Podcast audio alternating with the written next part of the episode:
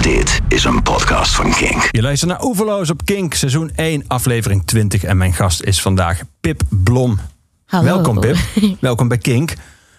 In het echt, want we draaien jou heel vaak, maar nu hebben je en ik fysiek in de studio. Ja. Net terug van tour. Van de zoveelste tour zou ik bijna zeggen. Hoe was deze? Eh, ja, echt heel erg leuk. Want eh, het was een, een van de. Dit was denk ik de langste tour die we zelf hebben gedaan. Hoe lang? Eh 17 dagen. En we hebben één keer een langere tour gedaan. Dat was wel in het begin. Dat was als support van een andere band. eh Serverblood. En dat was 19 dagen. Ehm, en ja, wat gewoon heel cool is, is dat we heel erg merkten dat ehm, dingen gegroeid waren of zo. Want je gaat natuurlijk op tour je speelt elke keer weer in grotere zalen.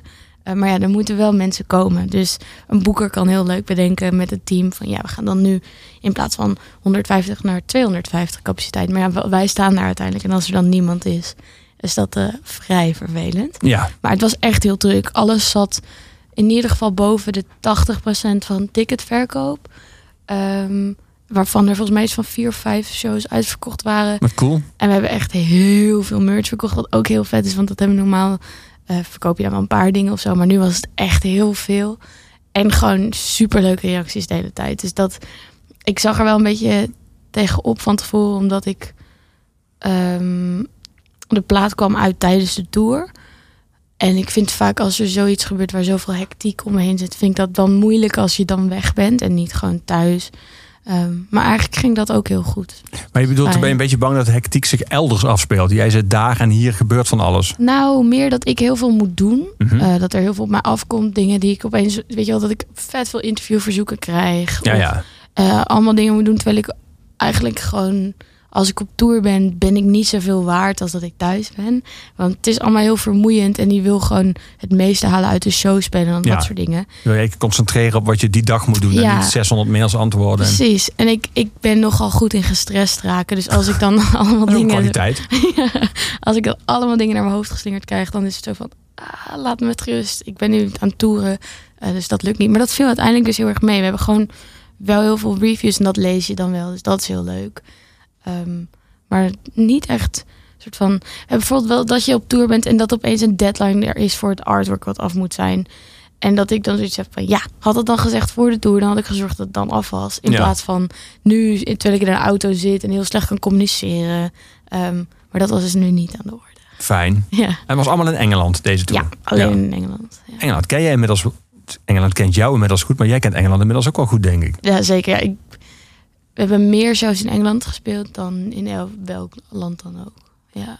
En stond je ook op plekken nu waar je nog nooit geweest was? Dus niet zozeer zalen, maar steden. Ehm, ja, we speelden in Totnes. Dat was, ehm, dat is helemaal aan de linkerkant in Cornwall. In, die, in echt een hele mooie punt kwam ik achter. Ehm, maar er zijn wel veel. Nou, we was- we hebben nog nooit een eigen show in Reading gedaan. Dat was heel leuk. Die was ook uitverkocht. Ehm, maar omdat we natuurlijk, we hebben ook bijvoorbeeld de Breeders gesupport. Dus daardoor hebben we sowieso wel best wel wat steden in Engeland mogen doen. En we hebben, eh, ja, omdat we ook gewoon heel veel hebben getoerd, hebben we best wel veel gedaan. Maar een andere tour waar wij echt allemaal dingen hadden gedaan die nieuw waren, was Independent Venue Week. Dat was de laatste tour voor deze. Misschien, ik weet het niet meer. Want het zijn zoveel tours, het is één grote blur. Maar dat was heel cool, omdat we daarbij ehm, alleen maar in zaaltjes spelen in dorpjes eigenlijk. Dat Dus is een soort record store day, maar dan voor de zaal. voor zalen. En, en dit zijn allemaal best wel klein. En in plekken waar het normaal niet zo snel heen zou gaan op een tour. Ehm, dingen als Hampton Bridge of Birkenhead of wat dan ook. En dat was, vond ik echt heel erg leuk om te doen. Omdat de mensen daar ook heel exceptioneel blij waren. Ja, ze zijn vet eager. Want normaal moeten die mensen altijd heel erg reizen natuurlijk. En nu komen de bands eigenlijk Ja. naar hun toe. Ja. terwijl ze ook gewoon een mooie zaal hebben. Dus ik vond dat echt heel leuk. Waar dan normaal wat staat in die zaal? Of is dat dan vooral voor buurtfeesten? Eh, en... heel veel tribute bands. Ah ja. Dat is in Engeland echt een heel groot ding. Ehm, ja, dat is het eigenlijk voornamelijk. Of ja, verder. Ik heb niet alle tourposters heel goed gecheckt wat er, maar wel. Ik weet wel dat er echt een paar waren dat we zoiets hadden van hier speelt gewoon maar één normale, nou normale. Nee, maar ik snap wat je bedoelt. Ja, Je eigen. ziet The Doors en Queen. Denk je, bestaan die allemaal nog? En dan zie je opeens op boven. Precies, ja, de de naam. Antarctic Monkeys. Ja. Soms zijn die namen ook heel grappig, maar soms zijn ze ook verschrikkelijk flauw. Ja, ik vind ze altijd echt. Mijn vader die had een keer, die las altijd de enemy en die had zo had gezien dat. Eh, die dacht dat het de Arctic Monkeys waren. Die had het niet goed gelezen. Die was van, ja, ze gaan weer spelen. En toen bleek het inderdaad de Arctic Monkeys te zijn. Ik was van, hoe kan het nou dat die kaartjes zo goedkoop zijn? Maar het is echt vet, want die band spelen normaal ook echt in hele grote zalen. Ehm, terwijl het toch gewoon een coverband is. Ja. Wel echt sick. Ik, eh, ik ga Ruby draaien. Heb je, die, heb je die laatst nog gehoord van jezelf in de studioversie? Nee, nee, ik luister niet naar mijn eigen muziek. Als het af is. Oké. Dan eh, kun je nu wel eens van jezelf genieten. Of je moet je oren dicht doen, maar dat zou een beetje raar zijn.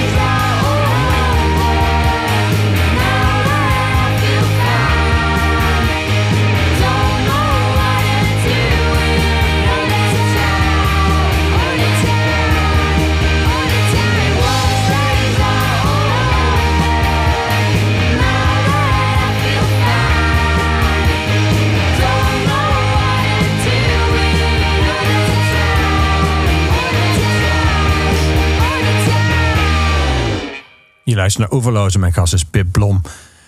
Pip, ehm, ik zag een post op social media van het laatste optreden van die tour die ze juist gedaan hebben. Die langs de eigen Engelse tour. Ja. Dat was een merkwaardige foto. Was namelijk een zaal waar niemand was, eh, maar wel jullie. Eh, dat was, eh, neem ik aan, niet een verre van uitverkochte show. Dat was een show waar iets misging in de Ja. logistiek. Ja, dat was echt heel weird. We speelden op Field Day en dat was eigenlijk de show waar we best wel naar uitkeken, omdat het in Londen was en dan op een best wel groot festival. Eh, het was niet de eerste keer dat dat festival er was, dus we hadden allemaal zoiets van, oh ja, vet veel zin. Dus we gingen daarheen, de wekker vroeg gezet, we gingen om half zeven al weg, eh, s ochtends. En toen kwamen we eraan en het was dus een soort industrieterrein. Mm, maar waar gewoon nog allemaal bedrijven aan het werk waren. En er was de weg naar het festivalterrein moest je dus door dat industrieterrein. En het was een hele smalle weg. En ehm, we hebben vanaf het begin van het weggetje tot aan om echt op het festivalterrein te komen, hebben we er volgens mij anderhalf uur dus over gedaan. En er stonden dan Tussen voorheftrucks in of zo? Of ja, tussen dat en een sleepercoach. En dan inderdaad boze bestelbusjes die zo zijn van... ja, ik moet hier werken, hoezo gaan jullie niet weg? En wij zijn van ja, we willen wel weg, maar we komen er niet doorheen. Eh, nou, echt totale chaos. Dus wij waren al vet geïrriteerd. Want we waren al zo van... oh, we hebben niet zo heel veel tijd. En toen kwamen we daar aan in de zaal. eh, en toen was er ook niemand... Want meestal als je op een festival komt, heb je wel iemand die dan even komt helpen. Of die komt zeggen van hallo, Of leuk hallo, dat jullie welkom. er zijn. Ehm, ja, dit is de, waar je zit. Daar is de kleedkamer of een plekje in ieder geval. Nou, dat was dus niet zo. Toen waren we aan het wachten en het wachten, we waren al heel laat. En de band die die dag eh, dat podium headliner, die ging echt veel te lang door met vooral opruimen. Ze gingen heel langzaam opruimen. Eh, dus uiteindelijk hadden we echt nog maar iets van vijf minuten opbouwen slash soundcheck. Dus onze geluidstechnicus, we hebben niet een eigen, maar die daar aan het werk was, die was heel gestrest. Ehm, nou ja, dus uiteindelijk hadden we dat gefixt. We hadden vet snel gesoundcheckt. Dus wij waren best wel tevreden. We hadden zoiets van, oké, eh, nou, dit komt allemaal goed. Vervolgens staat er dus niemand in de zaal. En het is echt een hele grote lood. Echt, echt heel groot. Ehm, dus je bent dan zo van, nou, oké. ehm, ja, misschien komt er toch niemand of zo. Maar ja, het was raar, want ik had wel mensen gezien eh, die zouden komen. En wat ook heel gek was, was dat zelfs mensen van ons team, dus een van de managers of onze boeker, waarvan we wisten dat die zouden komen, die zouden er ook echt op tijd zijn. Die stonden er ook allemaal niet. Dus alleen Boy Azuka, de band die na ons speelde, die stonden daar met mijn moeder en met ons, een van onze managers.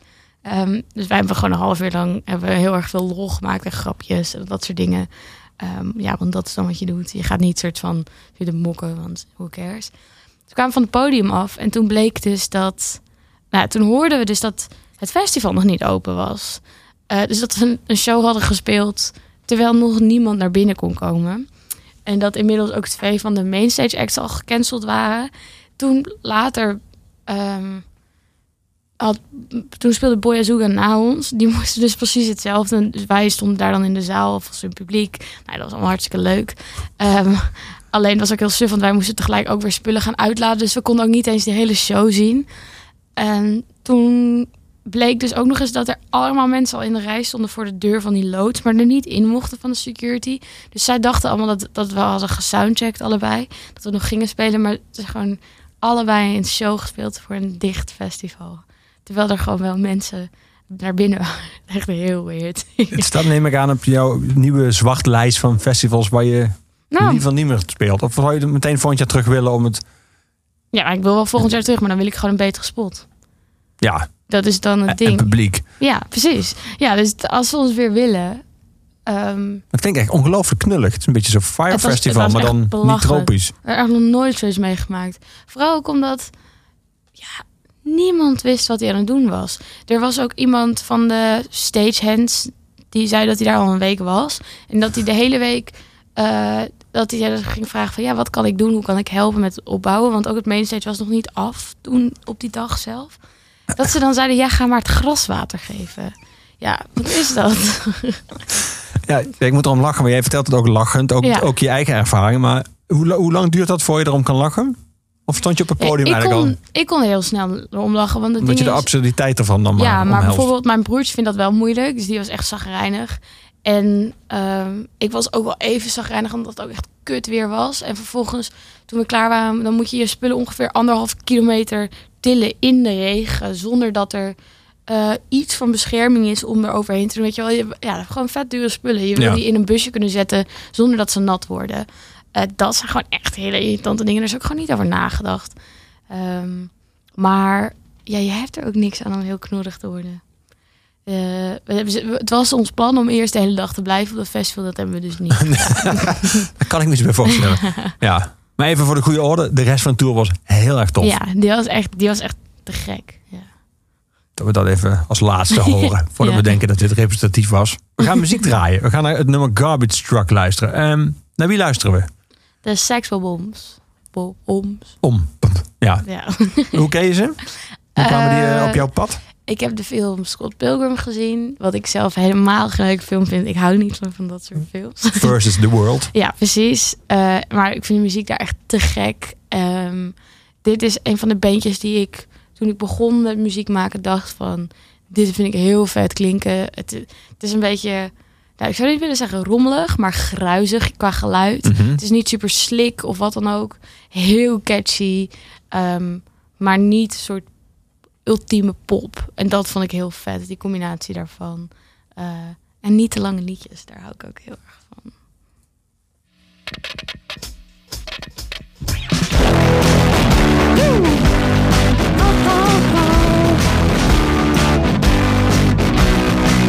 I'll take you for a ride. I'm a garbage truck. Oh. Take you to the dump. Cause you're my queen. Take you uptown. I show you the sights you know you wanna ride. I'm a garbage truck truck, truck, truck. We'll pass the mansions by. Drive right through the needle's eye. My, my, my. I got a stereo. You just gotta turn the knob, and baby we'll go as far as we can. I'll be your garbage man. I'll take your junk and I'll crush it down.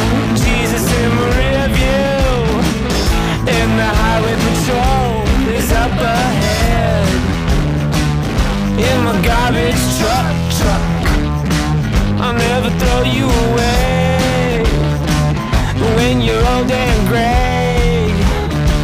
We'll just roll it away. Je luistert naar Oeverloos, seizoen 1, aflevering 20. En mijn gast is Pip Blom. Pip, je vertelde het net al even een bijzin. Jullie hebben ook uitgebreid getoerd eh, met de Breeders. Dat was niet alleen in Engeland, dat was ook volgens mij Finland, Italië. En Ja, volgens mij vrij kriskras eh, door Ja, nou, overal eigenlijk heen. Ehm, dat waren allemaal wel behoorlijk grote, volgens mij zo tussen Paradiso en de Rondazaal in 1500, 2000 mensen zalen. ja tussen de 1500 denk ik en de 2,5 zoiets Ja. geweest zijn. Ja, Hoe was dat? leuk. Ja, Leuk ook omdat jij nogal een liefhebber bent van het oeuvre ja heel erg. Ja, ik van de Breeders. ik ben ja, super groot Breeders fan. En ehm, om dan een band die je heel cool vindt in ieder 14 keer live te zien. Want je stond ook 14 keer aan de zijkant. Ja. Of in de zaal. Waar stond je? Ehm, wisselend een beetje. Soms kon je het niet zo goed zien vanaf de zijkant. Ehm, en ik stond vaak ook bij de merch. Ginny en ik hielpen dan. Ginny is onze drummer. Ehm, zij hebben altijd een eigen merch. Iemand mee, die heet Kyle. En wij gingen altijd helpen met het verkopen van de merch. Nou ja, dat soort dingen allemaal. Maar het was gewoon echt super leuk, want eh, het is zo'n goede band. En ze zijn nog steeds zo cool. Terwijl, ja, het is wel... Ik had ze toen in de Melkweg gezien. Mhm. Eh, en toen dacht ik wel van, jezus, wat traag allemaal. Want wat ze heel erg doen, Kim en Kelly is net een soort van aan het bikkeren.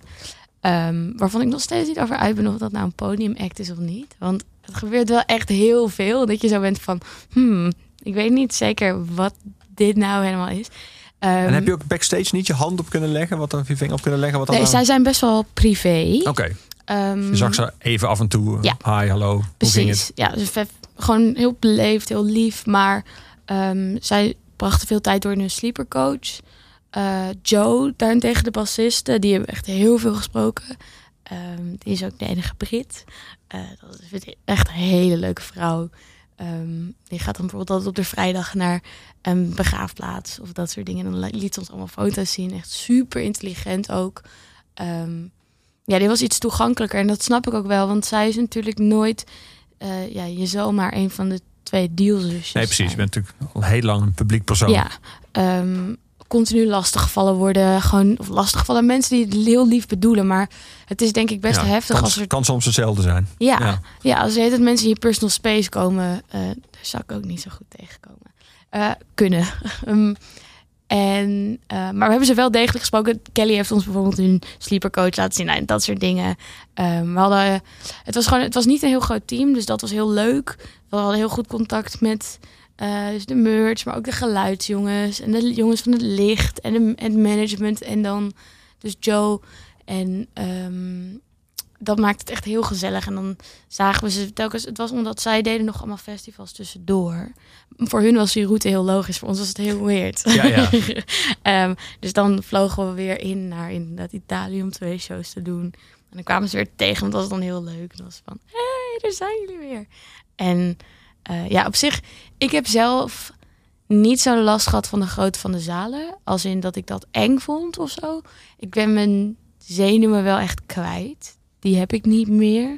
Misschien over twee weken wel, want dan staan we op Glastonbury. Maar ehm, Als je daar niet iets van gezonde zenuwen voelt, zal Ja. ook wel, ja, dan is het... dan zal er misschien wel iets mis zijn. Nou, ja, ik weet het niet. Maar ik heb zoveel gespeeld hè, inmiddels. Het ding is gewoon, waar ben je dan zenuwachtig voor dat er iets misgaat? Ja, er gaat verder vaak iets mis. Dat los je op. En dan is het even irritant, maar het is niet het einde van de wereld. Ehm ja, nou, Dat is een hadden- goede vraag waar wij dan zijn. Dat- Misschien dat je een soort hyperbewustzijn dan even tijdelijk kan ontwikkelen. Dat je als je opeens realiseert waar je staat, ja, wat het betekent, wie er nog heeft gestaan, dat dat allemaal door je hoofd speelt, dat dat even kan opspelen. nou, dat probeer ik sowieso zo min mogelijk te doen. Ehm, Ter plekke bedoel je. ja, want als je dat allemaal gaat bedenken, dan word je helemaal gek, joh. Ja. Geldt ook als er zoveel gebeurt. Want dat is natuurlijk een beetje het ding. Dat is misschien waarom ik het dat ook niet zo heb. Omdat ik natuurlijk de afgelopen drie jaar in een soort van rollercoaster zit. Ehm, als je dan echt op een gegeven moment heel erg de tijd gaat nemen om te denken van... Wow, wat is er allemaal gebeurd of zo.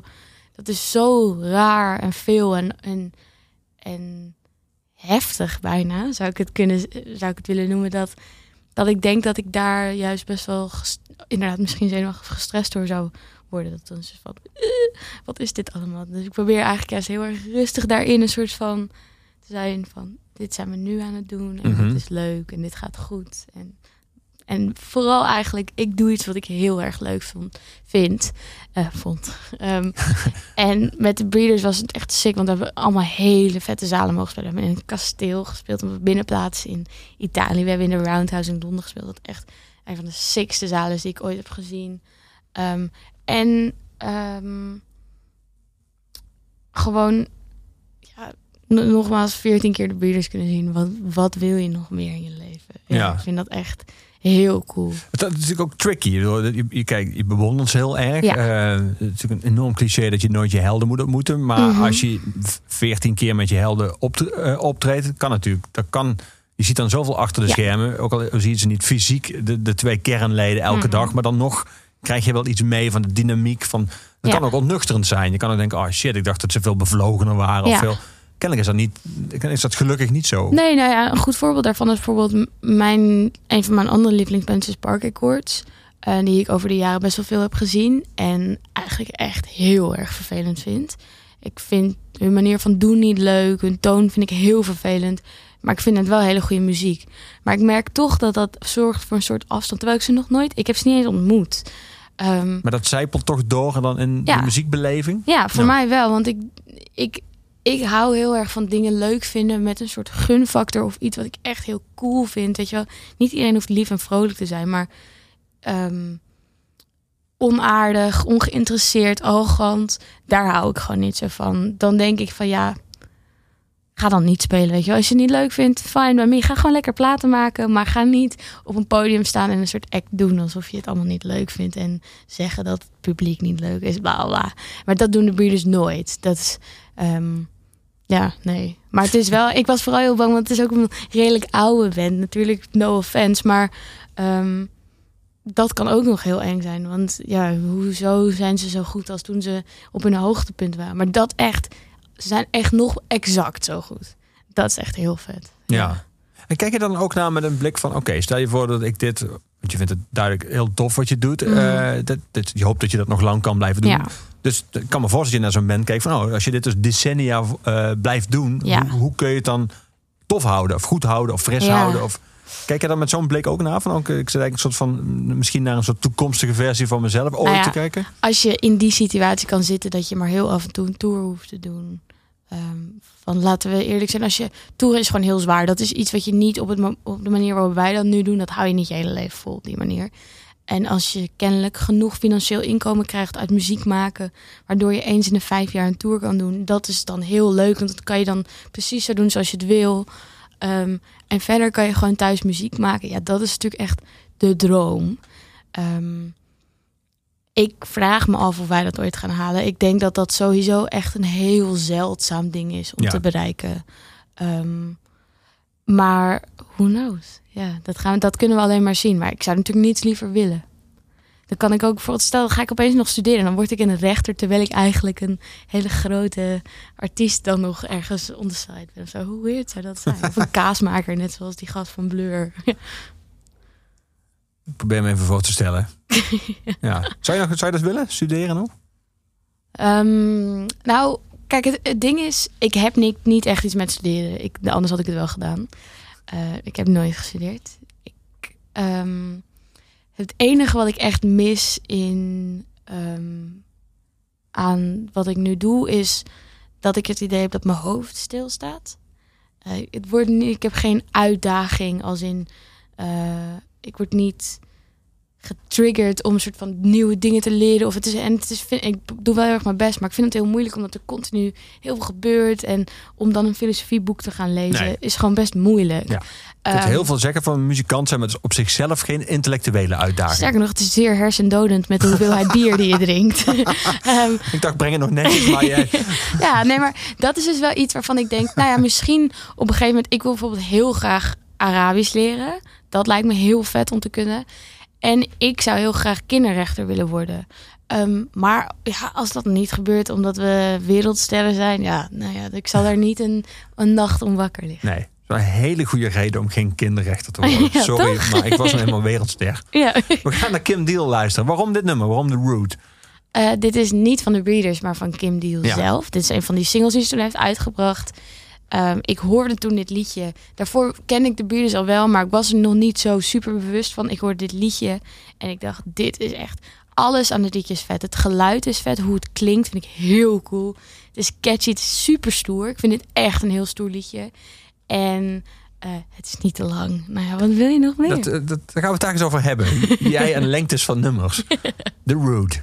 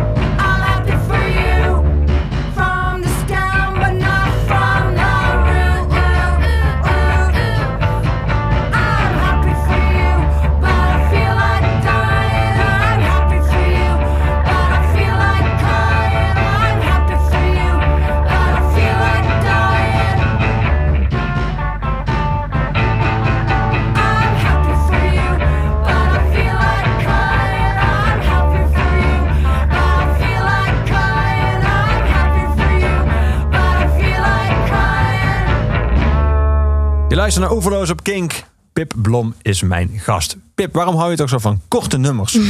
Wat is dan mis met Pink Floyd, Dream Theater en Meatloaf? Om even drie artiesten te noemen die graag over de 10 minuten heen gaan. Ja, ehm, ja. Het is gewoon onnodig. Toch? Ja, ik bedoel, ik kan ook gewoon vier keer naar een liedje luisteren als ik daar zin in heb. En dan kan het niet. Zo, dan zit je vast. Ja. Maar ik hou sowieso niet van solo's. Eindeloze solo's vind ik echt totaal oninteressant. Dat scheelt bij die artiesten die ik net noemde wel een minuut of vier al. Precies, ja. ja. ik, ik hou niet van ehm, dingen die een soort heel moeilijk worden gemaakt of zo. Ik vind het gewoon, als je een goed catchy gitaarlijntje hebt, bijvoorbeeld zoals met The Root, of gewoon een goede melodie. En dan, het hoeft helemaal niet zo lang. Ja, waarom zou je? Ik moet wel zeggen dat wat het grappige is, is dat ik wel heb gemerkt dat over de jaren heen mijn liedjes wel iets langer zijn geworden. Ehm, ik zit nu wel bijvoorbeeld soms bijna op vier minuten. Dat vind ik echt heel lang. Ehm, Zo spreek je het ook uit nu, ja. Ja, dat vind ik echt lang. Dan denk ik zo van, jezus, kom op. Had dat niet wat korter gekund? Wat, waar is dat nou voor nodig? Zeg je dat Ehm. tegen jezelf of tegen de rest van de band? Nee, tegen mezelf, want het is allemaal mijn schuld. Oké. maar ja, ik hou gewoon van een soort kort, catchy... eh, ja, dat. Dat Ja. is het eigenlijk gewoon. Ja, nou, dat is heel duidelijk. Ja, gitaarsolos, die zijn ook niet leuk om mee te zingen of zo. Dat is niet een soort ding waarvan je bent van woehoe. Nou, het Zuid-Amerikaans publiek bij Iron Maiden zingt Ja. alle solos mee. Ja. Dat klinkt best grappig. Misschien als ik in Zuid-Amerika zou wonen, dat ik er anders over zou denken. Ja. Nu is het met jou, eh, voor mensen die dat niet weten, Lenieke Daalder en Erwin Blom zijn jouw ouders. verklaarde muziekliefhebbers, programmamakers van de VPRO. Het ligt nogal voor de hand met die ouders dat een belangrijk deel van jouw muziekliefde, en ook die van je broer trouwens, is, eh, is terug te voeren op een opvoed, op, op, in ieder geval op een omgeving, op, opgroeiende omgeving waar muziek en muziekliefde een grote rol speelt. Is daarmee het grootste deel ook meteen eh, verklaard? Of, eh, Ja. Oké. Ja, het is dus nog erger. Want meestal is het natuurlijk zo dat kinderen zich op een gegeven moment gaan afzetten tegen hun ouders. Nou, dat heb ik dus niet gehad. Kan nog, hè? kan altijd nog. Het kan zeker nog. maar het was ook zo dat namelijk bij mij op school... eh, kon ik niet echt aansluiting vinden als het ging om muziek. Ik heb allemaal hele leuke vriendinnen daar niet van. Maar meer van Waar hielden die van? eh, meer dingen als Coldplay. Of eh, uiteindelijk zijn ze nu veel meer naar drum and bass. Of ehm, gewoon meer dat soort... eh, ja, dat soort muziek. Dat klinkt heel denigrerend. Zo bedoel ik het echt totaal niet. Maar gewoon iets totaal anders dan wat ik, wat ik graag Ja. luister. En eh, daarom was het zo dat mijn moeder die nam me altijd mee naar concerten. Dus die was dan, die hoorde iets en dan was ze van kom we gaan. En dan kocht ze mijn kaartje vet lief. Nou, ik kocht zelf eigenlijk ook kaartjes. Op een gegeven moment ben ik ook, want dan ging je dan echt elke week wel naar één concert of soms wel twee. Wat was je Eh, eerste, weet je dat nog? Je eerste concert? Mijn je eerste concert ooit. Waar je zelf naartoe ging? Of werd meegenomen dan door je moeder of je Nou, vader? degene die ik heel goed kan herinneren was Lily Allen. Dat was 2006 moet dat zijn geweest. Dus toen was ik ah, als was ik toen. Ehm, maar ik weet ook bijvoorbeeld dat ik was heel groot. Die, ik was trouwens nog wel iets jonger toen ik naar een ander concert ging. Want ik was heel groot de jeugd van tegenwoordig fan. Ehm, en ik wou daar heel graag heen. En dat was natuurlijk een paradiso was dat. En ehm, mijn moeder kon nog maar... Er was, het was uitverkocht. En toen was het mijn ouders gelukt om een kaartje nog te regelen via via. Maar zij konden dus niet mee. Dus toen hadden ze een collega die, van haar die daar ook was. Die had ze gevraagd of, of die een beetje op mij op wou letten. Ja. Dus ik was voor het eerst echt in mijn eentje voor mijn gevoel. Maar er was gewoon iemand die verderop stond. Die, Jou in de gaten ja, hield. dat ik niet gecrushed werd in een moshpit. Maar ik, ja, ik heb zoveel... Ik ben natuurlijk vanaf kleins af van ook meegenomen naar Lowlands. Pinkpop heb ik heel veel, ben ik veel geweest. Dan met mijn opa en oma. En die gingen dan vaak... Want mijn ouders waren natuurlijk vet hard aan het werk altijd. Ehm, ja, ik hou heel veel van dezelfde muziek waar zij van houden. Nog steeds. Ligt dat zeg maar één op één? Of is er een soort punt waarop jullie wegen scheiden? Waarop zij van muziek houden waar je echt niets mee kunt? Of andersom? Het is misschien het enige waar zij niet zo van houden is. Ik kan eh, dingen als Taylor Swift wel echt waarderen. Bepaalde liedjes. Eh, dus echt, echt zieke popmuziek. Eh, Zieke popmuziek. Ja. Dat is sowieso een gaaf genre, als je het zo nu noemt. gewoon echt, ja, de heftigste pop van het heftigste ongeveer. Ja, Ik denk niet dat zij dat nou heel goed vinden. Verder, ja. Ik, en ik hou niet heel erg van ehm, wereldmuziek. Dat is niet echt mijn ding. nee. Dat Eh, proef ik al een beetje de manier waarop je dat uitspreekt. ja, ik had laatst geleerd dat je het zo niet mocht noemen. Dus nou weet ik niet meer Ja, maar je of je nu... het niet westerse muziek moet noemen. Ja. Of, mm, ik Zullen we- bedoel in zullen, we dat, geval... zullen we dat overslaan, Ja. die discussie? Want daar kunnen we nergens meer over Ik praten. bedoel het in ieder geval niet verkeerd. Nee, ik wil niet verkeerd, maar ik snap wel wat je bedoelt. Maar als je het zo samenvat, dan, dan, is, dan is jouw eh, ouderlijk huis voor jou een goudmijn. Want daar ligt dus alle muziek die daar ligt, muziek waar jij ook van houdt. Ja, klopt. Ehm, Wauw. het enige is alleen, dat is dan weer, dat moet ik dan weer toegeven. Ik luister veel minder naar muziek dan ik ooit heb gedaan. Is dat het Eh. nadeel van muziek maken? Nou ja, mijn vriend die is echt vervent muziekluisteraar. En die maakt ook muziek. Ehm, dus ik denk dat het heel erg wisselt per persoon. Ik ben op een gegeven moment... Ik luister altijd heel veel muziek. Nog steeds hoor. Ik luister nog best wel wat. Maar ik, ik luister bijvoorbeeld niet elke dag muziek. Ik denk dat dat voor mij het nadeel is van muziek maken. Ehm, Maar je zegt er zijn dagen dat je helemaal niet naar muziek luistert. nee, niet bewust, nee. Zijn er dan dagen waarop je vooral zo'n stilte om je heen wil? Of luister je dan naar weet ik, van radio, gesprekken op de radio? Of wil je daar gewoon even niks? Ik luister heel veel. eh, ik kijk heel veel Podcast. documentaires, Hm. podcasts, dat soort dingen. Ik vind het heel fijn als er gepraat wordt. Ik denk dat het komt omdat ik ehm, muziek soms eigenlijk best heftig vind. Ehm, ik kan er ook heel erg door gaan twijfelen over wat ik zelf maak of zo. En ehm, ik had een periode dat het niet zo heel goed ging. En toen daardoor werd het allemaal zo heftig als ik naar muziek luisterde... dat ik het gewoon niet meer, ja, fysiek niet meer aankon eigenlijk om muziek te luisteren. Maar het komt eigenlijk te, te veel binnen. Ja, en... Je beleeft het echt. En dan, Ja, nou ja, of het, het versterkt een bepaalde, bepaalde mood. Of als het nou een heel vrolijk liedje was, dan werd ik daar ook weer heel verdrietig van. Omdat het heel vrolijk was. En ik wou dat ik dan dat liedje bijvoorbeeld had gemaakt. Whatever. Het was gewoon... En daardoor ben ik het veel minder gaan luisteren. Ehm, maar als er dan een plaat is die ik heel cool vind. Bijvoorbeeld, ik vind die nieuwe Fat White Family plaat vind ik heel vet. Dus dat luister ik dan wel best veel. En als wij op tour zijn, staat er gewoon de hele dag muziek aan in de bus. Eh, dus ik hoor nog steeds heel veel muziek. ja. En, en ik, maar gewoon niet meer zoveel als ik vroeger luisterde. Dat is het meer. Ja. Wat je net zei over ehm, dat je dan soms muziek hoort die je zo goed vindt dat je bijna gaat twijfelen aan je eigen muziek. Dat, ja. Dat hoor je ook eens van schrijvers. Die als ze een roman lezen van een andere schrijver. Dat, en die vinden ze heel goed. Kan het eigenlijk heel simpel gezegd grofweg twee manieren opwerken. Dus ze Ja. denken, oh, dit is zo goed, die wil ik maar zo van aan optrekken. Dit is een soort Mhm. inspiratiebron. Of dit is zo goed dat het me gewoon intimideert. Ja. Dit kan ik toch niet, dus waarom zou ik nog schrijven? Want dat had ik toch nooit. ja. Dit is dus het tweede. Wat dan, Nou ja, ik vind mezelf geen goede muzikant. Ik weet heel weinig van muziek maken. Ik weet echt niks van een gitaar. Eh, en ehm, dat is wel iets wat ik soms ingewikkeld vind. Omdat ik, ik hink heel erg op twee gedachten. Dus een beetje. Dat, aan de ene kant, dat moet gewoon kunnen. Je moet muziek kunnen maken op gehoor of whatever, op hoe het voor mij werkt. Ja, ik gebruik Rhymezone en Google Translate. Who cares? Weet je wel? Als er iets uitkomt wat voor mij leuk is, dan is het allemaal fijn. Maar ehm, ja, het is toch een beetje zoals in alles. Ik denk dat in elk beroepsvak of whatever je aan het doen bent, dat, dat het toch soms dan opeens zo kan zijn van... Ja, maar ja, als ik nou dat wel kan, als ik wel heel goed gitaar kan spelen, wie weet kan ik dan wel nog iets veel beters maken. En ehm, dat zijn soms van die twijfelmomenten. En dan daarna luister ik een liedje wat ik heel cool vind. En dan heb ik zoiets van, ja, fuck, ik wil dit gewoon ook doen. Ik ga nu heel erg mijn best doen. En misschien maak ik wel iets wat ik ook heel cool vind of zo. Het zijn een soort van, ik denk dat dat met creatief iets doen altijd gewoon... Dat is een van de doemdingen van Ja. creatief bezig zijn. En een heel groot nadeel van een technisch heel goede gitarist worden is dat er een hele grote verleiding gaat bestaan. Solo's. solo's. En ehm, je zit veel meer vast in een hokje, want je weet hoe het zou horen. Want je zou niet denken dat er veel theorie achter muziek zit, maar er zit insane veel theorie achter muziek.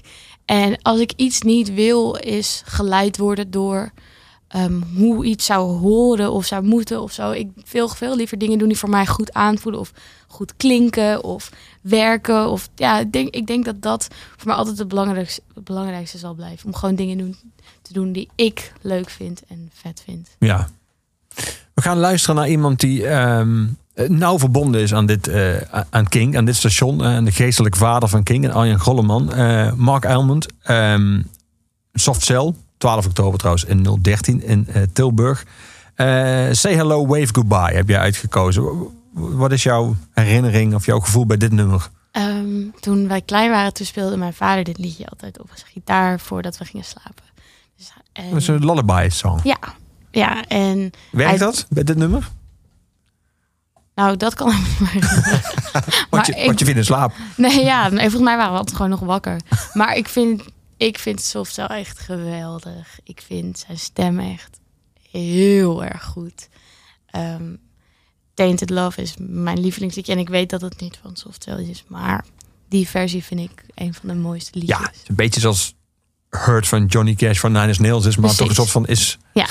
door Johnny Cash. Toch? Ja, nou ja, dat. Ehm, en ik vind dit ook een heel mooi liedje. En ja, gewoon alles daar. Ik zou. Ik vind het. Ja, ik, dit is gewoon een geweldig liedje. Wat wil je zeggen? Ik zou.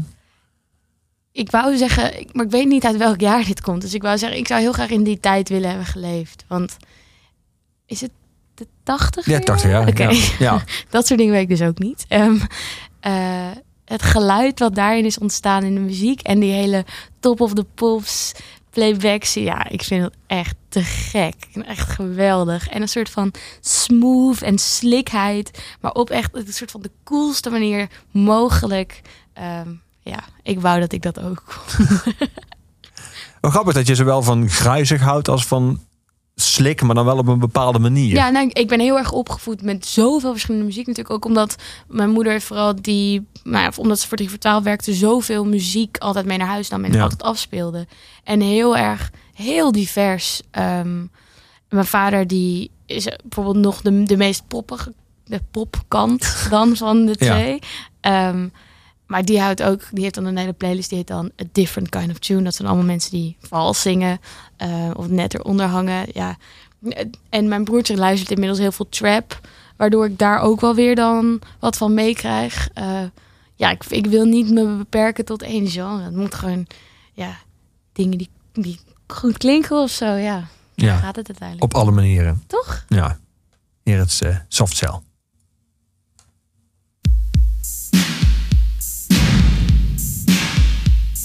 Standing in the door of the pink flamingo, crying in the rain. It was a kind of so so love, and I'm gonna make sure it never happens again. You and I, it had to be the standing joke of the year. You were asleep around, lost and found, and not for me, I fear.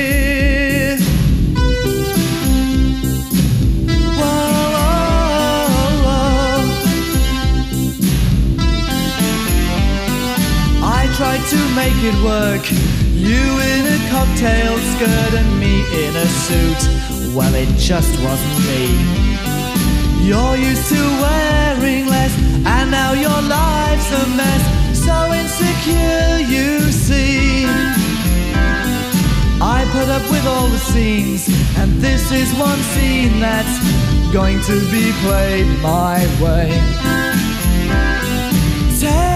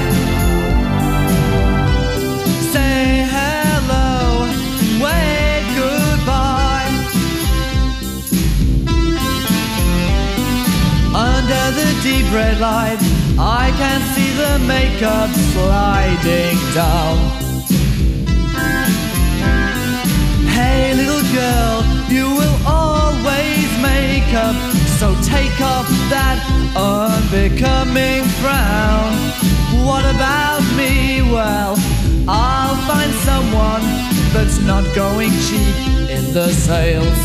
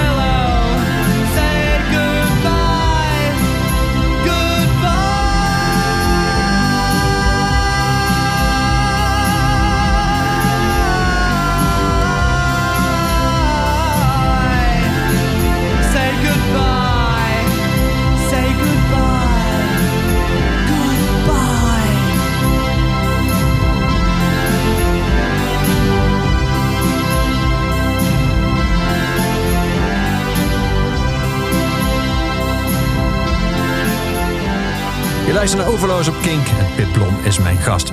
Pip, ik kwam een, eh, een soort hele krukkig vertaalde handleiding tegen van een apparaat. Moet jij raden welk het is? Ik, ik haalde dus de naam van het apparaat weg en alleen de eh, beschrijving luidt als volgt. Is ontworpen om het gemakkelijk te maken voor kinderen om te spelen goede nummer op een echte gitaar. Machtigt het kind om volledige nummers vanaf het begin te spelen. Ze kunnen leren van elke gitaardocent met behulp van de meegeleverde boek of spelen samen met de ouders. Een Luke. Ja, die had jij hè? Ja, we hebben er nog steeds twee thuis. Eh, het, is een, was in die tijd een Kickstarter project. Ehm, en mijn vader die houdt dan van dat soort dingen. Dus die had hem gekocht. Ik had vroeger altijd gitaarles, gewoon op een gewone akoestische gitaar heb ik een tijdje gehad. Vond het eigenlijk helemaal niet zo leuk, vond het niet heel interessant. En ik was ook heel slecht in, want ik heb dus best wel eh, hele korte vingers. En voor gitaarspelen is grote vingers best wel handig. Voor Ehm, gitaarspelen moet je eigenlijk pianohanden hebben. ja, ja. Tenminste, dat denk ik altijd. Misschien is het wel gewoon een slecht excuus wat ik mezelf vertel. Ehm, en toen op een gegeven moment zag ik een oproep voor mooie noten. Dat is een, eh, een wedstrijd voor singer-songwriters in Amsterdam. En ik had eigenlijk nog nooit liedjes gemaakt. En op een of andere manier, ik weet nog steeds niet wat me bezielde. Want ik ben altijd best wel verlegen geweest. Dat is nu inmiddels wordt dat wel steeds minder, omdat ik natuurlijk zoveel met mensen in contact kom enzovoort. Maar ehm, ik had nog nooit echt op een podium gestaan of wat liedjes gemaakt. Toen heb ik bedacht dat ik aan mee wou doen. Ehm, en heb ik een soort concept bedacht dat ik dacht, oké, dan maak ik drie liedjes, dan meld ik me aan en dan zie ik het wel. Op die look, die drie snarige gitaar en allemaal liedjes van minder dan twee minuten. Nou ja, dus ehm, twee maanden later of zo was ik het eigenlijk alweer vergeten. En toen kreeg ik opeens een bericht dat ik was uitgekozen. Dus toen moest ik een set gaan spelen van 20 minuten. Maar ik had alleen maar die drie liedjes van Maar allemaal drie, minder. drie keer twee is toch gewoon zes? Ja, precies. dus toen moest ik echt als een maloot allemaal liedjes gaan maken. Toen heb ik het tot de halve finale in de bovenzaal van Paradiso geschopt. Wat ik echt heel te gek vond. Super slechte show. Eh, ik was zo zenuwachtig. Alles ging mis. Eh, maar heel cool. En ehm, daarna, ik vond het echt doodeng. En ik had daarna ook zoiets van, ja, wat is dit nou voor stom ding? En ik vond het tegelijkertijd ook het allerleukste wat er was. Dus toen dacht ik, oké, dit wil ik, hier wil ik iets mee gaan doen. Ehm, in ieder geval liedjes maken, want dat vond ik toen heel leuk. Ja. Dus toen heb ik al die liedjes eerst uitgebracht onder de naam Short Stories. Dat was dan mijn demoplaat. Ehm en ehm, daar konden mensen dan geld voor geven. En van dat geld ging ik dan naar een kamp van Excelsior. Die heeft één keer een kamp gedaan, dat heette Teenage Kicks op Vlieland. Ehm, nou, dat is allemaal heel cool, want ik had daar iets van 1500 euro mee opgehaald. Dus ik kon precies naar dat kamp. Eh, geweldig. En ehm, daarna had ik echt zoiets van, ja, maar En dat kamp was een soort songwriterskamp. Ja, met dus- allemaal workshops en...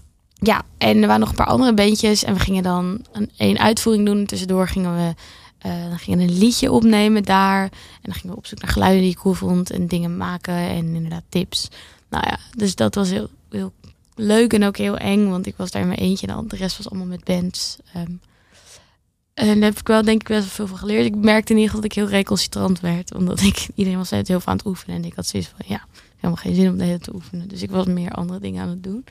Ehm, en toen dacht ik daarna zo van ja, allemaal leuk en aardig, maar ik hou eigenlijk helemaal niet van dit soort muziek. Eh, het is wel makkelijker, voor mij makkelijker toegankelijk, want omdat ik, ik kon dus nooit een band vinden. Ik heb wel geprobeerd om mensen te vinden die met mij wouden spelen, maar dat lukte de hele tijd niet echt. Dat kwam echt van de grond of niemand had tijd. Eh zat al in andere bands. En toen dacht ik, nou ja, dan ga ik het zelf gewoon proberen. Dus toen heb ik dat met een drumcomputer en ehm, een basgitaar die we hadden liggen. En, eh, ja, wat rommel die we thuis hadden liggen, heb ik zelf de eerste vier demo's gemaakt. Liedjes gemaakt die ehm, toen op Spotify zijn gekomen. En dat is Ja. eigenlijk dan langzaam. Er staan heel- ja, en er staan Ja. heel veel liedjes nog steeds zoals School. Dat, die heb ik ook helemaal zelf opgenomen thuis. Gewoon best wel veel dingen. Ehm, ja, en ook nog steeds op dat plaats zitten heel veel partijen die ik thuis heb opgenomen, die we dan ook daarin hebben gemixt. Ehm, maar dat is eigenlijk een beetje hoe het is gegaan. Ja. Dat, wat je net vertelde, dat je eh, instuurde drie nummers van maximaal twee minuten. En dat je de uitnodiging kreeg, leuk, kom maar langs. eh, een set van 20 minuten graag. Dan moet je dus onder vrij grote tijdsdruk Ja. eh, eh, 14 minuten extra schrijven. Werkt dat? Blijkt dan? Ja, nou, het is wel gelukt.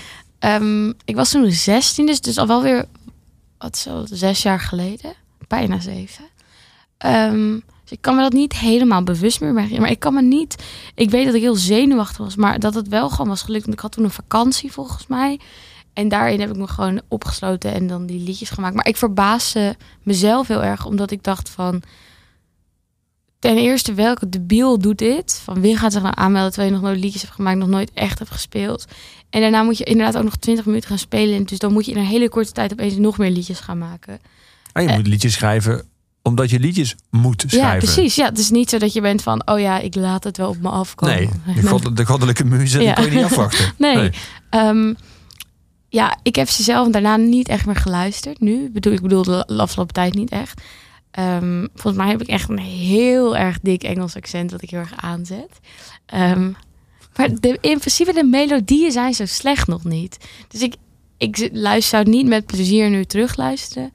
Maar, Maar wel met interesse. Ja, nou, en ik vind het ook wel leuk dat dat online staat, omdat het zo hoort bij mij wat ik de hele tijd al heb gedaan. Weet je wel, ik heb veel dingen online geplaatst. Ik heb een blog ook gehad daarover van alles en nog wat. Dus ik zou het heel jammer vinden als dat dan niet meer toegankelijk is. Want ik denk dat dat juist heel erg onderdeel is van wat ik de afgelopen tijd heb gedaan. Ja. En Dus eigenlijk de weg hier naartoe, maar dan in het openbaar. precies. En dat Ja. is heel spannend. En dat is ook eng, want je bent daardoor nog, nog kwetsbaarder natuurlijk. Ehm, maar het hoort wel heel erg bij dit. Dat ambivalente gevoel dat je zojuist beschreef, dat je in die halve en rond die halve finale had van dit is echt het gaafste wat er is en dat is ook Mhm. verschrikkelijk. Ja. Eh, is dat nog steeds aanwezig ergens? Dat soort van. Dat nou, dat heel- kwam vooral door de zenuwen. En omdat ik die niet meer heb. En die zijn grotendeels weg. Ja, dus nu is het gewoon heel erg leuk. En het is wel, er is natuurlijk nu heel veel bijgekomen. Wat ik soms minder leuk vind. Ehm, ik zit, Geregeld en gedoe, zeg maar. nou ja, ik zit niet voor mijn lol zes uur per dag in een bus. Ja, dat is gewoon irritant. Maar ehm, dat weegt aan de andere kant is dat ook op geen enkele manier een soort van zwaar ding waarvan ik denk, oh nee, ik wil dit echt niet meer. Ehm wij doen ook heel erg ons best om toeren zo leuk mogelijk te houden door niet. We zouden nooit langer dan een maand. We gaan niet langer dan een maand toeren. Ehm, het moet allemaal haalbaar zijn qua reisdagen. Eh, en na elke vier dagen hebben we een rustdag. Er zitten gewoon best wel, we hebben best wel strenge regels opgesteld daarvoor. Omdat het is in niemands belang dat wij erbij neervallen. En het is iets wat we puur en alleen doen omdat we het heel leuk vinden. Als het een vetpot was geweest, dan is het nog een ander verhaal. Maar ja, dat is gewoon niet zo. Ehm, dus dan is het des te belangrijker dat het heel leuk blijft. Ja. En, eh, Is dat ook allemaal vol te houden? Stel, je hebt een tour geboekt en die, op de, juist op de rustdag krijg je een extra show aangeboden. Een voorprogramma van een hele vette band in de Mm. O2. Ja, nou dan wordt er naar gekeken. Eh, maar ik ben best wel koppig. ehm, omdat ik er gewoon niet van hou om het gevoel te hebben dat wij een soort poppen zijn die je overal maar naartoe kan sturen. Ehm, en ze zijn van, oh ja, dat kan er nog wel eventjes bij. Ik heb, ik heb heel snel zoiets van, ja, wat denk je wel niet? Eh, alsof je- jij het leuk zou vinden als iemand heet jouw agenda voor je aan het vol poppen is. Terwijl je het idee hebt van, geef me één dagje dus dan kan ik even naar het zwembad om eh, te bewegen. Tegen welk denkbeeldig persoon ben je nu zo boos aan het praten? Wie is dat? Nou ja, dat is vaak. Ik, ik heb vaak discussies met management die het helemaal goed bedoelen of zo. Alleen, ehm, ik ben gewoon niet heel goed daarin. In dat, dat dingen voor mij bepaald worden. En dan helemaal als het gaat om mijn tijd en mijn schema. Ja. Eh, en ik vind dat het heel belangrijk is om je grenzen daarin aan te geven. Dus als het iets is waarvan het, weet je wel, een, een heel cool support. Oké, misschien. Maar bijvoorbeeld, we mochten op een gegeven moment was we gevraagd voor een festival in Frankrijk, wat me heel leuk leek. Maar dat zou dan in totaal zes dagen rijden zijn. Heen drie en terug drie. Nou ja, dat soort dingen. Het houdt een keer, weet je. Dat, als het dan moet het dan in een tour gepland worden, dan is het allemaal oké. Maar ja, sommige dingen werken gewoon niet. Nee. Nee, even over die loop. eh, die eh, ontworpen met gemak te maken voor kinderen. met het- een G. Met Loop bedoel ik, sorry. Er zat ook een nummer achter. Is er Loop 2 of Loop 3 of niet? Dat zou kunnen, want inmiddels zijn ze natuurlijk al veel verder Ja. ontwikkeld. Maar ik had het de eerst Ja, ja, want jouw vader wilde er snel bij zijn. Ja. Ja. nou ja, die heeft dus. En dat, dat is wat leuk van Kickstarter. Die investeert in een idee. Eh, omdat je dat gunt dat dat Ja, ontwikkeld wordt. Dat het ja. komt. uiteindelijk, Ja. Maar die, daar was je dus wel enthousiast over, terwijl je over jouw gitaarles eh, niet. Dat je liep ja, maar het ding met zo'n look is je kunt gewoon je vinger plat leggen erop en je hebt een akkoord. En dat kan iedereen. Dus het is eigenlijk een beetje als je eh, je moet je voor je moet zien is alsof je een soort van sint gebruikt en een toets indrukt en er een heel akkoord uitkomt. En dat is wat ik nodig had om een liedje te maken. Ja. En anders zit je je vingers in hele moeilijke posities te wringen. En eh, het doet dan vet veel pijn. ja, dat, is, dat vond ik gewoon niet leuk. Ik ben gewoon wat dat betreft, denk ik misschien ook een beetje lui. Dat ik zo was van, ja, als ik het ook zo kan doen. ja. Maar goed, die look heeft niet, die is niet mee ontwikkeld met jou, zeg maar. Daar je nu niet mee. Nee, zeker niet. Nee. nee. nee. Dus uiteindelijk longt het toch de gitaar. Ja, nou ja, vooral elektrisch. Dat Ja. is waar ik heel erg naar op zoek was. Om een soort bandgeluid te zetten. En dan moet ik zeggen dat de look inmiddels wel ook elektrische looks heeft. Ehm, maar ja, ik vind dat wel een heel belangrijk geluid van ons. Dat het soort van dat, dat geluid in plaats van een akoestisch ding. Ja. Heb je nog een akoestische gitaar die af en toe een, oppakt? Of staat die in een verdom hoekje? Nee, die staat wel in een verdomhoekje. ik pak sowieso geen gitaar op. Als ik niet liedjes ga schrijven. Ik, eh, nee. Ik speel geen gitaar voor lol. dat klinkt heel negatief. Ik bedoel het niet, maar het is gewoon... Dit is een instrument dat je instrumenteel gebruikt. Precies. En, Ja. en ik hou heel erg van zingen en melodieën maken. Ik vind het heel cool als er verschillende gitaarpartijen bij elkaar komen. Maar je zult mij niet voor lol gitaar zien spelen. Nee. Jou uitnodigen bij een kampvuur, is de kamp nul. Dat jij gewoon... Sterker nog, als je me uitnodigt bij een kampvuur en mensen gaan zingen, ga ik sowieso weg. We gaan luisteren naar een hele leuke Amsterdamse bandje. eh Ken Shaker Pie. Eh, waarom dit nummer? What You Try to Saying. Eh, nou, uit 2016. Ja, wij hebben toen, eh, die na, die, na die eerste singles zijn we door hun gevraagd om mee te gaan op support. Wij mochten hun support doen in Nederland. En dat zijn uiteindelijk iets van 16 shows geworden. Dat is voor ons echt heel belangrijk geweest, omdat zij een van de meest energieke bands zijn die ik in Nederland ooit heb gezien. Met hele goede liedjes en ook nog eens bij elkaar. Ehm, wij hebben er toen zoveel van geleerd, want als band hadden we nog nooit op een podium gestaan, echt. Ehm, maar we kregen opeens wel aandacht. Dus we, we hadden het idee, ik had vooral heel erg het gevoel dat de, ehm, eh, het idee wat mensen van ons hadden, dat wij daar zelf nog helemaal niet waren. Dus dat we een soort van moesten groeien en door deze tour te kunnen doen en elke avond een show zien van een band die je heel cool vindt met heel veel energie, hebben we daar dus een veel losser geworden op een podium. Ehm, ja, vet veel van geleerd. En dat is wel echt een van mijn meest dierbare herinneringen. We hebben daar ook hele goede vrienden aan overgehouden. Ehm, en ik vind dit een heel mooi liedje. Ik vind Willems stem hierin echt super mooi. En het grappige is, het is eigenlijk het minst, echt misschien wel het minst echt Kenshaker liedje van wat je, als je Kenshaker hoort, dan is het natuurlijk veel heel luid en, en woest en al dat soort dingen en heel tight of zo. En ehm, dit is iets emotioneler. Dat vind ik heel mooi.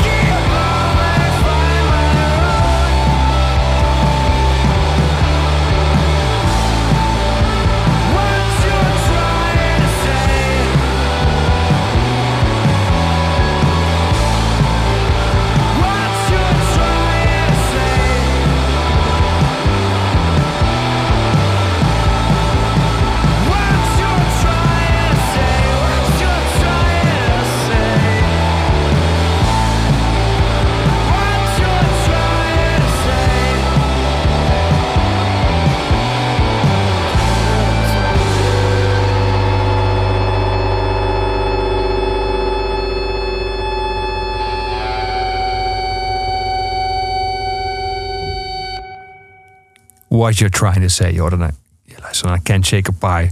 Ehm, een keuze van Pip, mijn gast van vandaag hier in Oeverloos, Pip Blom. Ehm, Pip, we gaan meteen door naar muziek. Eh, we gaan naar punk uit eh, New York. We gaan naar Stoned and Starving, zo heet het nummer. Waar gaan we naar luisteren? Eh, ja, Park Records dus een van mijn lievelingsbands. En ook een van de bands waarom ik toen begonnen ben met muziek maken. Omdat ik zoiets had van... In die tijd waren er niet heel veel bands met vrouwen erin. Eh, dat is het nu heel anders. Dat, is, dat zie je best wel om je heen natuurlijk. Ehm, en ik had zoiets van, ja, dit soort muziek moet ook gewoon door meisjes gemaakt kunnen worden. Who cares, weet je wel. Dat is niet... Ik, ja, dat vond ik gewoon suf. Dus ik dacht, en ik vond het heel vet. en mijn moeder die heeft me toen meegenomen ehm, naar Park Records. En ik kende ze toen nog niet. Dat was toen de eerste plaat uitkwam. Waar speelden ze toen? En de kleine zaal van de melk. Oké. En ik vond het zo vet. Ik vond het echt een van de vetste shows die ik ooit heb gezien. Ehm, en toen ben ik helemaal op slag verliefd geworden. Ja. Waarom vond je het zo goed? Weet je dat nog? Het was toen heel energiek. Ehm, wat ze nu dus veel minder hebben live. En ik vond de liedjes spraken me echt heel erg aan. En wat ik heel cool vond, is dat zij best wel lange dingen die heel lang herhalend zijn. ehm, maar heel interessant houden nog of zo. En heel eh, dat je er bijna ingezogen wordt. Ehm, en dan ook weer die catchiness. Hè? Die catchiness Mhm. is gewoon belangrijk. En dat vind ik dit ook heel erg. Ja. Had je, had je ook ehm, had je vrouwelijke rolmodellen nodig ook? Had je ook nodig om vrouwen op het podium te zien om te weten dat je dat ook kan? Nee, dat niet speciaal. Maar meer gewoon dat ik dacht, ja, ehm, ik begreep gewoon niet zo goed waar, waarom dat er niet was. En Mhm. toen daarna is wel natuurlijk Courtney Barnett is toegekomen. Ehm, ik denk dat het altijd helpt. Het was niet iets waar ik per se, want omdat ik natuurlijk heel groot Kim Deal fan was en mijn andere lievelingsband Mika Tune Shapes is ook een vrouw. Ja. Dus op zich ehm, had ik ze wel al gevonden. Maar het helpt natuurlijk wel. Gewoon diversiteit is altijd vet. En helemaal als je mensen ziet die echt iets heel cools doen. Die gewoon heel goed gitaar kunnen spelen. Daar super cool staan. Ehm, ja, dat, los van of je dan een man of een vrouw bent. Maar als je daar bijna nooit vrouwen ziet. Dan, dan is het wel een soort verfrissend nieuw Ja. ding. Of zo. Ja. En het feit dat het eh, later minder energiek werd en minder overtuigend, dat, is, dat heeft niet de glans van dat optreden jouw hoofd weggehaald. Dit, dit staat Van nog die steeds show niet. Nee, zeker niet. tof. We gaan naar luisteren. Stone and Starving.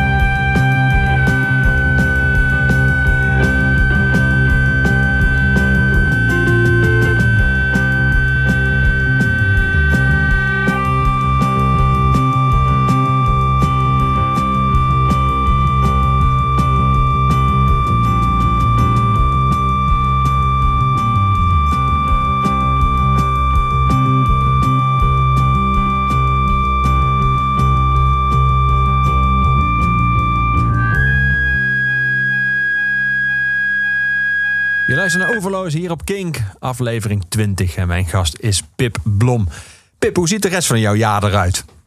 Ehm, we gaan Glastonbury spelen.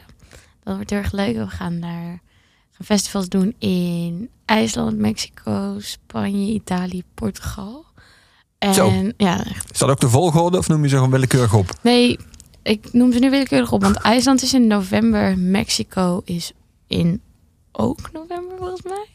Eh, Spanje en Portugal zijn over drie weken, denk ik. Eh Glastonbury is over twee weken. Ehm, Italië zit daar ergens tussenin. Ehm, en we gaan dingen in Duitsland doen, al dat soort gedoe. En dan gedoe, al dat soort Leuk gedoe. shows. Ja. Ja.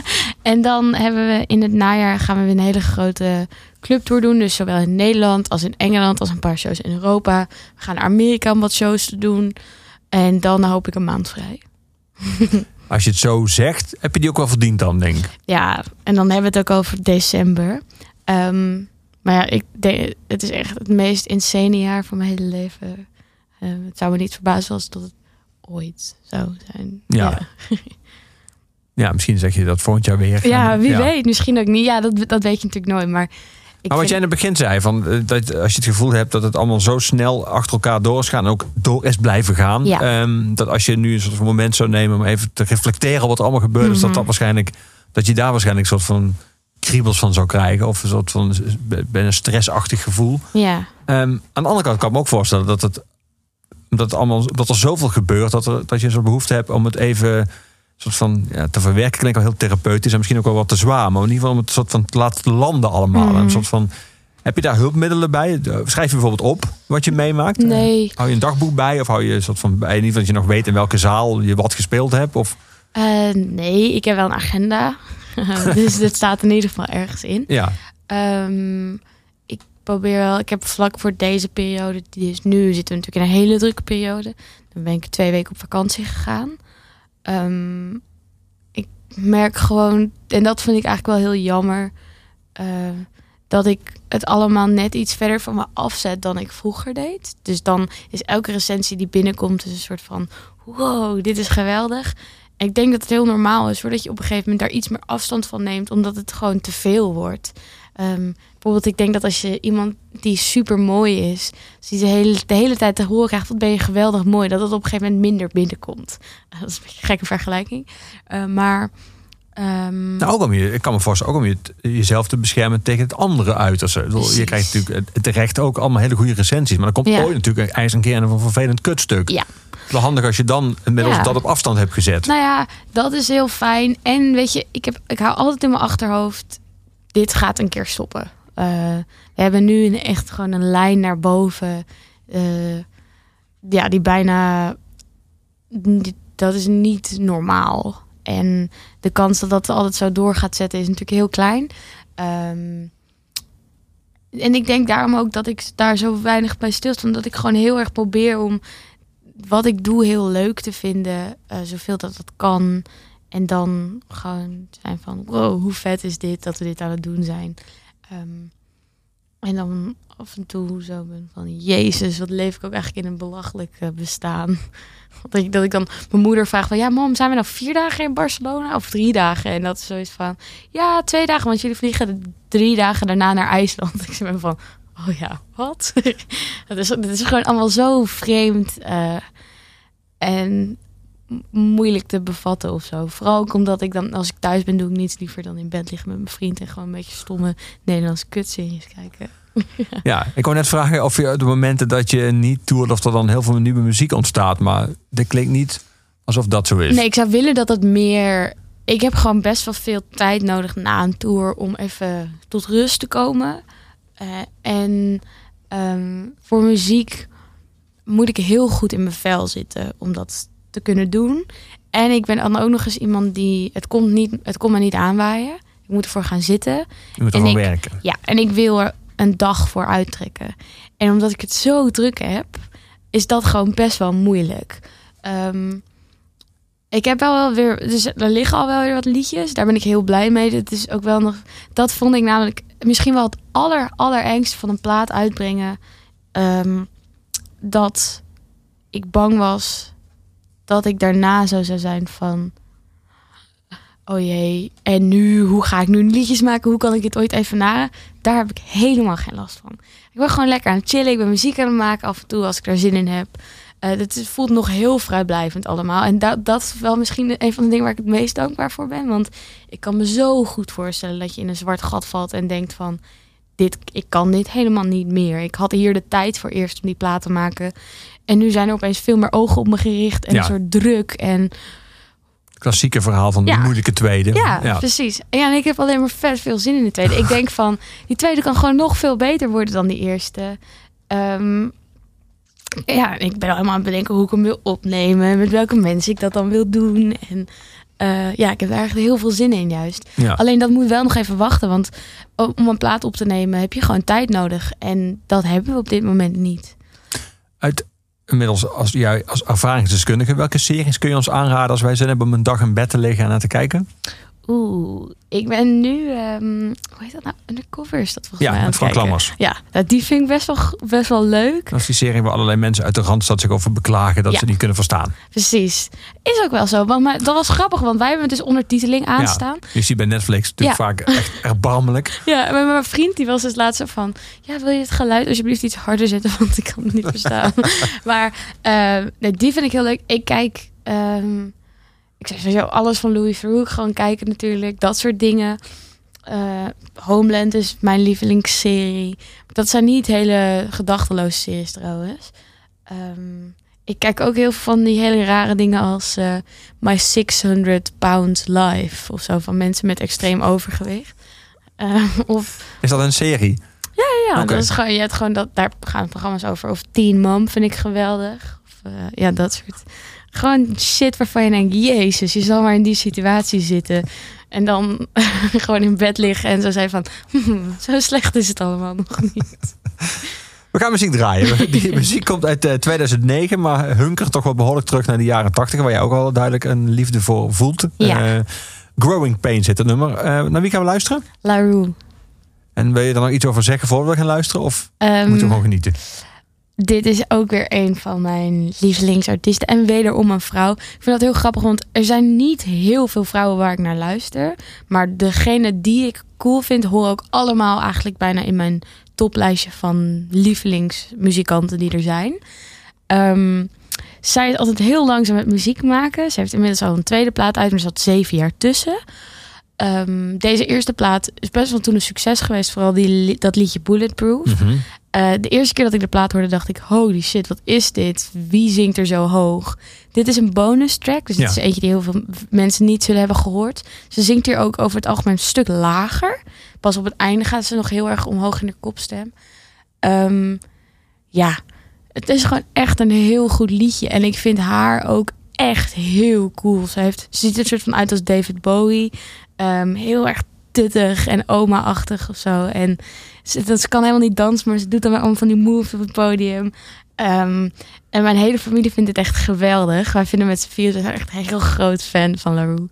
En ehm, ja, dit liedje zou ik zeker niet mensen willen onthouden. En ik denk dat heel veel mensen hem niet kennen. We gaan dan luisteren. Growing Pains.